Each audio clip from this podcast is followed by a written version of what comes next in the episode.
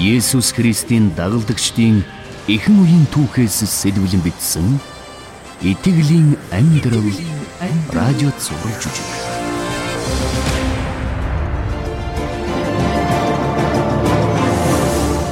Арван дөрөвдүгээр анги Саул Христэд итгэсэн.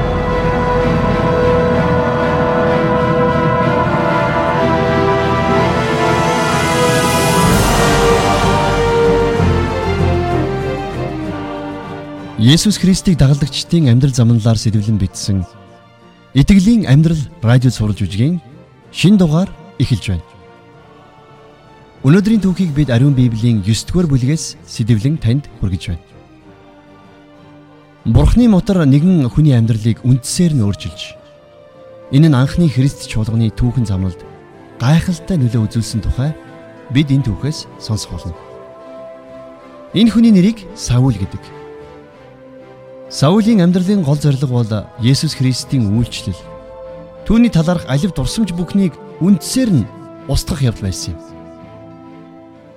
Түүний фарисей найзууд нь Саулийг гайхамшигтай эрдэмтэн, авьяаслаг удирдагч гэж үздэг байжээ. Аливаад шийдэмгий, чадварлаг байдлыг нь олж харсан Иерусалимийн эрх мэдлтнүүд Саулд Есүсийн шавнар болон түүнд итгэсэн хүмүүсийг толгой дараалан баривчилж шоронд хийх эрх мэдлийг өгсөн байна. За харин өнөөдрийн түүхийг өгүүлэгч маань элч нарын буюу дагалдагч нарын үйлс хэмээн бидний нэрлэдэг байгаа Библийн энэхүү номыг ариун сүнсний онгодоор бичсэн грек үндэстэн эмч Лук байх болно. За одоо ингээд бүгдээрээ нэгэн хүний амьдрал хэрхэн гайхамшигтайгаар хувьсан өөрчлөгдсөн тухай түүхийг хамтдаа сонсцгоё.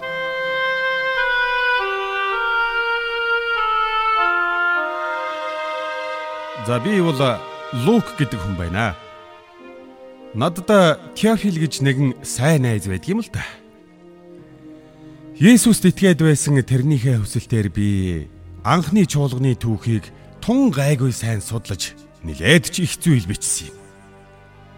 Тэгээд удаан хугацаанд залбирсны эцэст Бурхны ариун сүнс болоод бас бусад олон гэрч нар надад Есүст анхлан итгэсэн хүмүүст тахиалдаж байсан олон чухал үйл явдлуудын тухай мэдээлэл цуглуулахад тусалсан юм шүү дээ. Бурхан өөрийн зориг төлөвлөгөөг гүйцэлдүүлэхийн тулд Явсын арга замаар ажилдаг гэдгийг би тун сайн ойлгосон.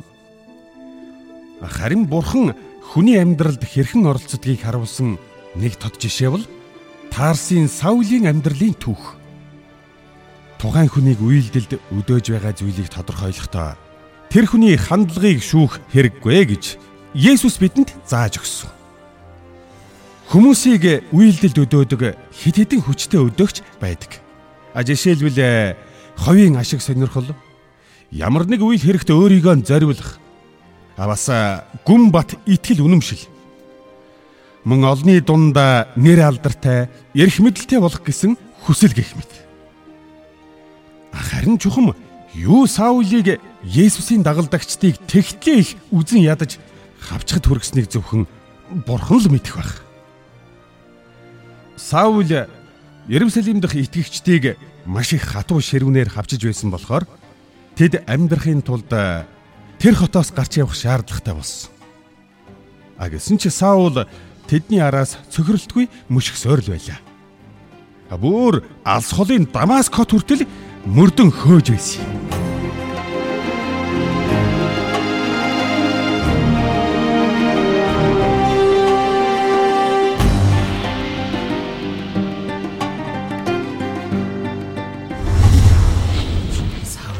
Иесусийн дагалдаж байгаа хүмүүсийг ярьж чадах болов уу? Байрлгүй байх наад ч За тэгэхээр Саула Есүсийн дагалдагчдыг Дамаск хот хүртэл мөрдөж баривчлах эрхийг хүсэмжилсэн өргөдлөө чинь зөвлөл авч хэлэлцэхээр болсон.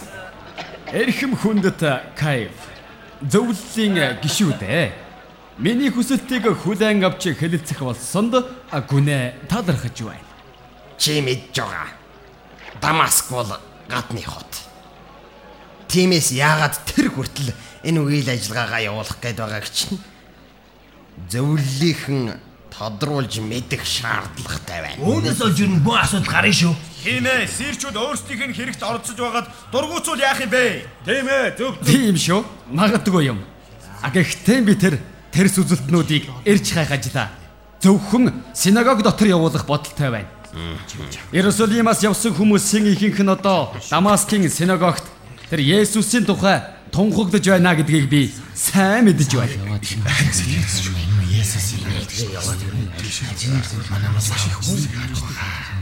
За яах вэ? Тэглээ гэж бодъё. Тэгээд тэднийг баривчилж чад дараа нь яая гэж бодож байна. Дараа нь? Хэрвээ тийшээгээ явхаар болох юм бол сүмийн хамгийн сайн дөрвөн хамгаалагчийг авч явах бодолтой байгаа. Тэгээд тэднийг баривчлаад Ерүсалимд авчирна.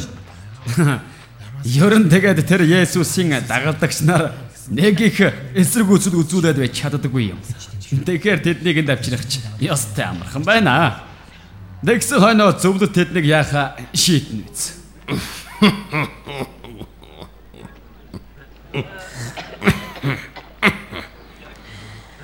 Ингэснээр шашны энэ урсгал үгүй болчихно гэж чи итгэж байна уу? Мосегийн хуулийн үнэн ч дагалдагч болохын хувьд би энэ шашны тэрс үзэлтнүүдтэй хаа таарсан газараа тэмцэлдэж таслан зогсоох нь миний үүрэг гэмэн би боддог.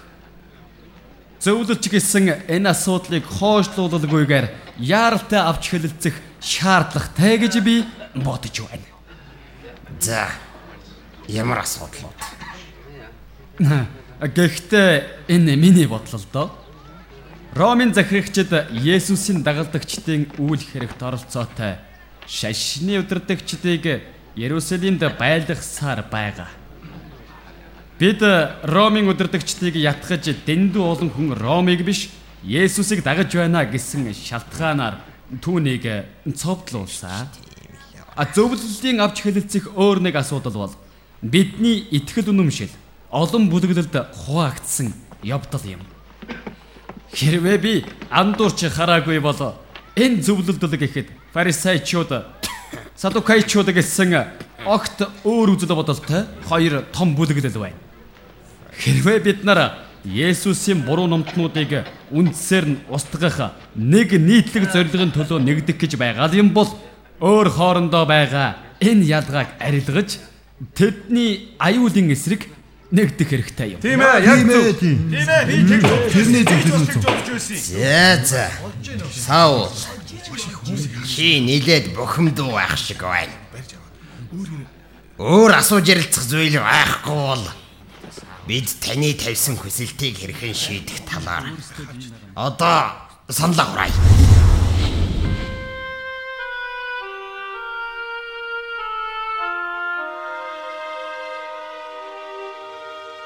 Харин тэр өдрийн зөвлөлийн хуралд хар өмсгөлтэй 30 хүн оролцсноос Гамалиэл гэгч нэг багшаас бусд нь Саулийн хүсэлтийг дэмжсэн юм да.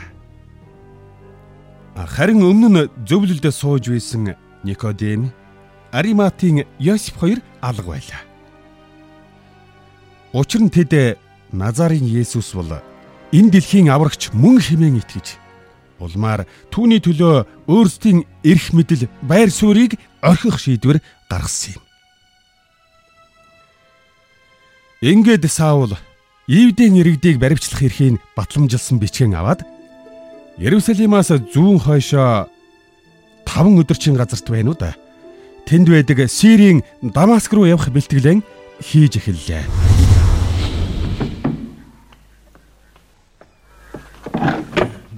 Саул. За сайн явж байна уу? Тэгээд зөвлөөс эрх авч чадав. Тэгэлгүй яах вэ? Хүснэ авч чадсан хүний шинжээ миний царайнаас харагдахгүй байна гэж юу? Үгүй яах. Гэхдээ тэгээд одоо би танайх руу орж болох уу? Аль эсвэл ингээ гадаа чин зогсоод байх уу? Оо яалаа гэж тэ яалаа гэж өршөөгөөрэй. Ор ор. А, Тийм байлгүй дээ. За Саул. Тэгээд яриад байдаг юм шүү дээ. Хизээ явах гэж байна. Хамт явах хүмүүсээ тэгээд сонгосно. Оо сонгосон. Дамаскт хэр удах бодолтой байна да тэгээд. Гэхдээ чи чинь асуултаар болж явах шивдэ. Аа, амралтын өдрийн дараа л явах бодолтой байна. Дамасагт наазах нь 5 хонож байж хүрэх байхаа. За. Тий. Бидэнд э, нэг зоригтой найдаж болох байц дөрвөн харуулыг авч явахаар сонгочихсон байгаа. Харин Дамасаг тэр удахыг ёстой бурхал мэдэх байх та. Аа тийм байдаг ач. Олон чи бид хоёр 2 3 жил нэгэн зорилгын төлөө мөр зэрэгцэн зүтгэлээ. Аа тэгсэн тэгсэн. Гээд байна вэ гэвэл э, тэгтэл чи намайг Дамаск руу явах багта аваагүй байдаг. Тэр чи тийм шүү. Гүй чамд л гэж хэлэхэд бид үнэхээр гар нийлдэг байсан л да. Гэхдээ бид нар тус тустай ажиллавал илүү их зүйлийг амжуулах юм шиг надад санагдаад байгаа. Үгүй чи нэхэр тусдаа ажиллана гэсэн чи одоо э, яахыг хэлж байгааг хэрэгвэ. Э, Би зөвлөлийн дэмжлэгийг авсныхаа дараа тэдний хэдтэй нь хувьчилж уулзсан юм. За. Тэгээд э, самар болоод Галилд байгаа Есүсийн дагалдагчдыг баривчлах эрхийг чамд өгөхийг тэднээс хүссэн юм л да. Үгүй э, саула чамд эргэлзэж явсныг минь өршөө. Зүгээр ээ зүгээр. Үгүй чамаг чинь Есүсийн дагалдагчдаас салах хамгийн үр өгөөжтэй арга замыг олж чадах хүн гэдгийг э, мэдэх ёстой атал ингэж эргэлзэж байдаг. Зүгээр ээ зүгээр. Хэрвээ зөвлөл надад эрх мэдэл өгөх юм бол би тэднийг олж баримтлах ажлыг дээд зэргээр хийн гэдгээ харин чамд амлацгий. Тэгэлгүй яах вэ? Тэгэлгүй яах вэ?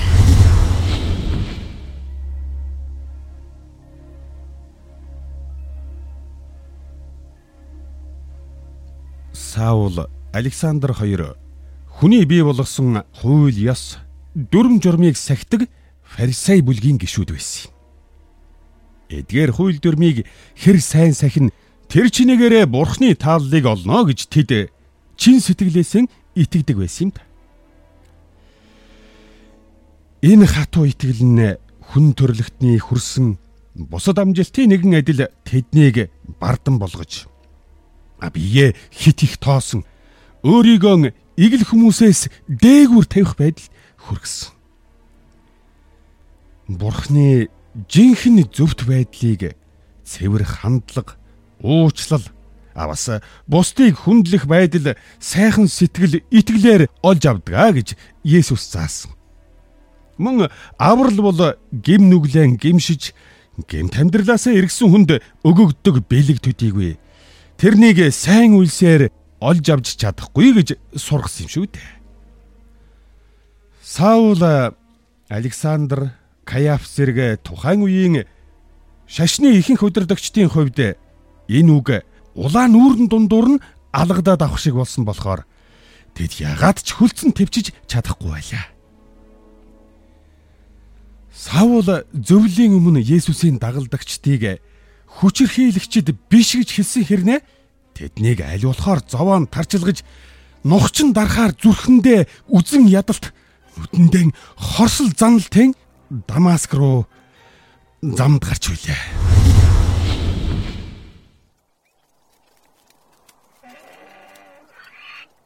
Аяллаа эхний өдөр тун сайхан байна шүү. Аа тэгэлгүй. Одохгүй бид Йордан голыг гатлна. Нөө за. Тэгээд тэр хавцаа хоногдвол яасан юм? Гэхдээ харин э, яах вэ? Цаг гаруй яваад л модтой газар хүрэндэ. Өвгөн чи би өмнө нь тэнд хоногдож байсан л да. Аа тийм үү. Гэхдээ хазаараа. Аа. Чи өмнө нь Дамасагт очиж байсан хэрэггүй тэгээд. Өө би олоо очсон. За. Сүмийн харуул болохынхоо өмнө энэ замаар өнгөрдөг худалдаачдад ажилдаг байлаа шүү дээ. Аа. А хэрвээ бид э, энэ хурдаараа яваад байх юм бол Дамасагт хэзээ хүрэх бол? За та бидний аяллаа ихэнх нь ер нь өнөөдрийнх шиг ийм сайхан байхгүй л болов уу? Цөл рүү ороод ирэхээр аяллаа хурд саарна вэ. Үгүй хазаараа. Үгүй чи ер нь аялтыг өдөрдөж хурдыг нь тохируулж явсан дээр юм шиг байна. Миний хөл жаахан майжик дээр нь ингэж маршаар алхаж зургааг болохоор жаахан хэцүү вэ шүү. Тэгэлгүй яхаа. Гэхдээ би залуутаа бас ч муугүй тамирчин байсан болохоор үгүй ямар ч байсан чамаас хоцрохгүй гэж хичээн дээ. Сауда. Тэ, Уул нь амралтын өдрөөс л өмнө Дамаск хүрчмээр байх. Саула. Би таныг сайн явж чадна гэдэгт эргэлзэхгүй байгаа шүү. Харин цөлийн халуунаар гэж юу гэдгийг урд өмнө нь үзээгүй энэ хоёр залууд л санаа зовоод байна та.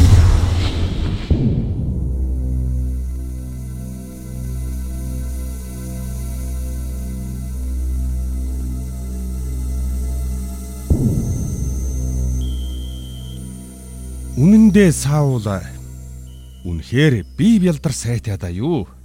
Аль эсвэл өөрийнхөө бузар зорилгыг гүйцэлдүүлэх гэсэн хүсэлдээ шатан ийм зүрх зоригтой байсан уу гэдгийг би огт хэлж мэдэхгүй байна. Халуун наранд хүмүүсийн аяллаа хурд саарч орой өдшийн сэрвнээр аяллаа үргэлжлүүлдэг бол Саул тэгсэнгүй. Харин Дамаскт байгаа Есүсийн дагалдагчдыг олж баривчлах төлөвлөгөөгөө дотроо боловсруулж явлаа. Тэрээр эхлээд синагогийн тэргүүн багшд нь Каяфи мэдчилгээг уламжлана. А тэгтээ Ерүсалимийн сонин сонсох гэж тесэн ядан байгаа бусад багш нарыг цуглуулна. Тэгээд зөвлөөс авсан зөвшөөрлөн үзүүлж Есүсийн бүлэглэлийнх гэж өөрийнхөө нэрлдэг итгэгчдийг хайж олох, баримтлахад туслахыг тэднээс гуйнаа гэж тэр төлөвлөж байлаа. Тэгээд тэр энэ бүх төлөвлөгөөгөө тун сайн болсон гэж үзээд муусайн тэрс үзэлтнүүдийг барьж аваад шийтгэгсэн гэхээс алхаан бүр улам түргсэж байжээ. А гэтэл тэрнийг Дамаскт дөнгөж дөхөн ирж байтал бурхан тэрэнд өөрийнхөө агуу төлөвлөгөө болон хүч чадлыг харуулж өгсөн юм. Гэнэт Тэнгэрээс гэрэл гарч тэрнийг хүрээлэн гэрэлтэхэд Саул газар хөсөр унлаа. Саултай хамт явсан хүмүүс тэрхүү гэрлийг хараад аянга буулаа гэж бодож л дээ. Харин тэр үед Саул нэгэн гайхамшигтай дууг сонсчээ.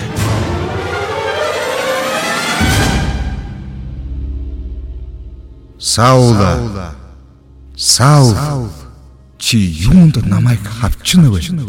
Эзэ чи та хэн бэ? Би бол чиний хавчиж мөшгөөд байгаа Есүс байна. Бос. Хот руу орч.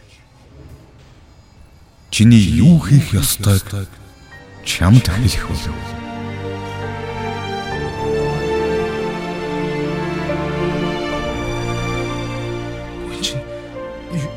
Юу болоод байна? Юу болоод байна? Саяных саяных юу байсан бэ? Лабана чи харин тэнцүү үү? Би бас сонслоо. Энэ юу байсан бэ? Нэг тийм ямар нэг архиран ч юм уу тиймэрхүү юм сонсогдлоо. Чухам яг юу юм бол? Яг дүрсэж ич чадахгүй байна. За. За юу ч байдаг байлаа гэсэн тэр юм Саулыг зохиод унахчихлаа. Халив тэр нь босгоход нь тусалцгаая. Чи чимээгөө. Саула. Чи чи зүгээр үү? Яав. Бүдрээд унчихсан уу эсвэл юу болсон бэ вэ? Зүгээр үү чи? Тийм ээ. Хазаараа. Би зүгээр. Алло. Та ишээс үү? Би танд туслая. Алло. Аа ингээд. Хөнч нэрэ. Гэхдээ би юу ч харахгүй байна. Саул. Ма энэ жаахан ус ууч. Гүч. Унахтаа нүдрүүгээ шороо оруулчихсан байхаа. Али наадахаар авгаа л да. За. Баярлалаа лабана. Гэхдээ миний нүдэнд шороо ороогүй. Хурц гэрэл гэл баад согорч шиг л боллоо. Гүнч. Саяхан зүгээр өсөн мэт. Харин тийм. Юу болоод байна? Лабана тэнд хэсэг мод харагдаж байна. Хэдүүлээ тийшээ очиж сүүдэрт нь хэсэг амарцгаах бай. Одоо бид амрахгүй. Би Дамаскт очих ёстой. Юу гинэ? Гүн чи юу гэсэн үг вэ? Та ч н амрах хэрэгтэй штэ. Газар унахтаа толгоогоо юм зогсон юм шиг байна. Тэгээд нүд чинь юм харахгүй байна. Есүсийн дагалдагчдыг эрж хайх ажил маань дор хаяж нэг өдрөөр хойшлогдож таарах нь те. Үгүй үгүй. Бүх юм өөрчлөгдлөө. Бидний төлөвлөгөөч бас өөрчлөгдсөн. Өөрчлөгдсөн. Гэхдээ бид нэр Дамаск руу явдгаараа л явцгаана. Зайлээ. Явцгаая.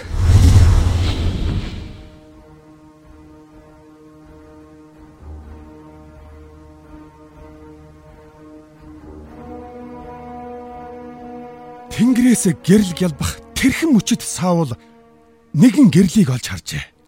А тэр бол Есүс бол Бурхны хүү. Энэ дэлхийн аврагч үнэхээр мөн гэсэн үнний гайхамшигт гэрэл байсан юм. Тэрхэн зур Саул Есүс болон тэрний дагалдагчдыг хавчдаг ууртай хавчигчаас мөнөх хавчигдсан итгэгчдийн нэг болж ховирсан юм да. Саул бүр хүүхэд байхасаа л шаргуу суралцж өөрийгөө хатуу чанд сахилгажуулж урхны тааллыг олохын төлөө амьдралаа зориулж байсан хүн. Анхны чуулганы гişүүдийг хавчин мөшгөж байхдаа Саул өөрийгөө бурхны ажлыг хийж явнаа гэж итгэж байсан нь гарцаагүй.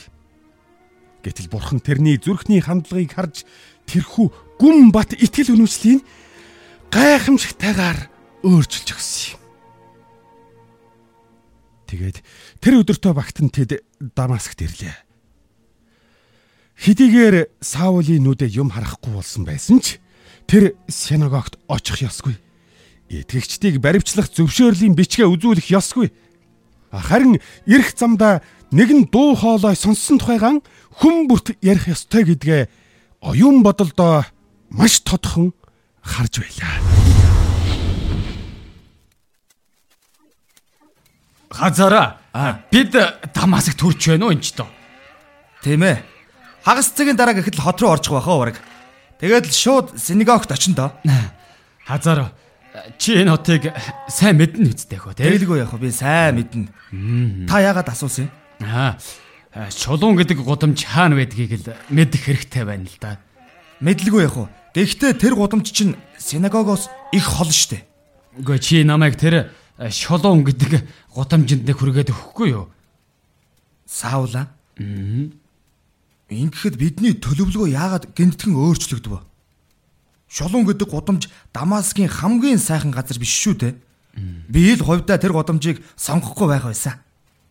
Та дөрөв намайг тэнд хүргэж өгöd буцаарай. Ямар ч игэл байсан би та хэдэд аюул учрахгүй байхаа гэж найдаж байгаа. Би таны наад хитрхи сүнслэг байдлыг чинь угаасаа ойлгож чаддгүй байсан л да. Гэхдээ тэгээд та тэгээ тэр гудамжны хаана нь хөргүүлэх гээд байгаа юм бэ? Тэнд хөрөх үедээ би хаана очихоо өөрөө мэдэх болноо. Тэр лав халуун нар газар унсан хоёроосоо болж галзуурсан байх. За яг уу саавла. Нэгэнт бид таны тушаалыг дагах ёстой болохоор таныг тэр нууцлаг газарт чинь хөргөж өгсөний дараа бидэнд юу тушаахыг чинь бид тодорхой мэдэх хэрэгтэй байна шүү дээ. Та нар намайг ачаа тэжтэй минь хамт тэнд хөргөж өгөөд төрөвчнээс минь 2-7 хоногийнхоо хөлсийг аваад үгүй тэгээд Иерусалим руугаа буцаарай та. Тэ Иерусалим тэ юу гинэ? Гүнч. Үгүй тэгээд бид Иерусалимд очиод Кайф болон зөвлөд юу гэж хэлэх юм бэ? Үгүй яг хөө тэ Саул нэг тийм гэрэл харсан гээл хэлчихгүй юу?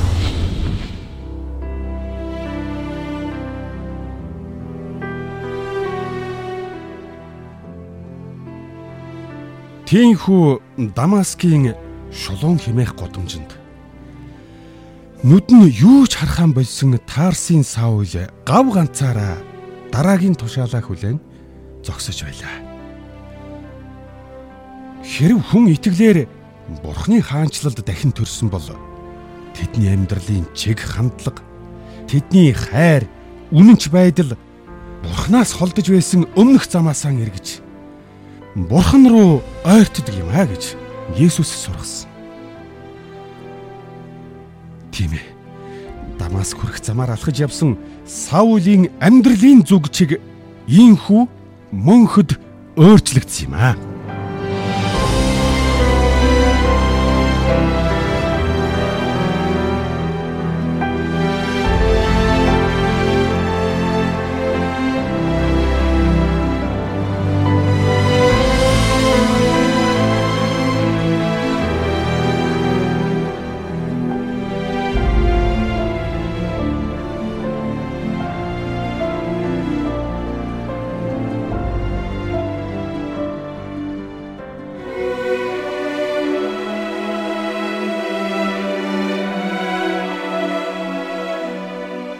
Өнөөдөр энэ түүхийг сонсоод сууж байхад магадгүй таны амьдрал буруу тийшээ яваад байгаа юм шиг санагдсан байж болох юм.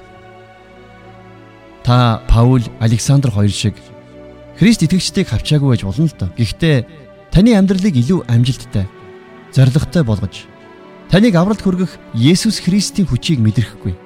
Харанхуй дотор алхаж байж болох юм.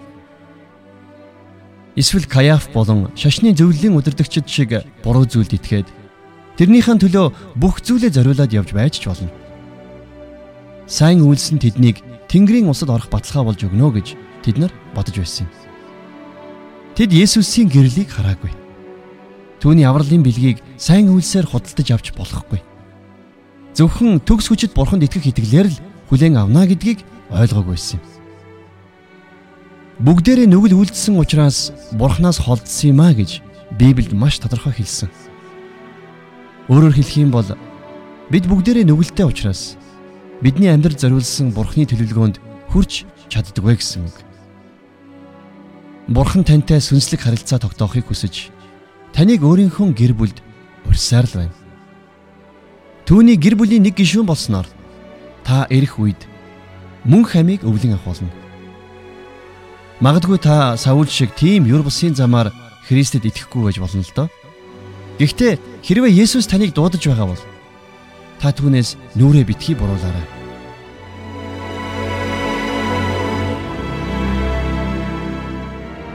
Бүтээгч Бурхан эзэн дэлхийн ертөнцийг үнэхээр хайрлсан учраас хүн төрлөختөнд цорын ганц хүүгээ илгээсэн. Ийм учраас хүүд нь итгэгч хэн ч мөхөхгүй харин мөн хамтай болох юм аа.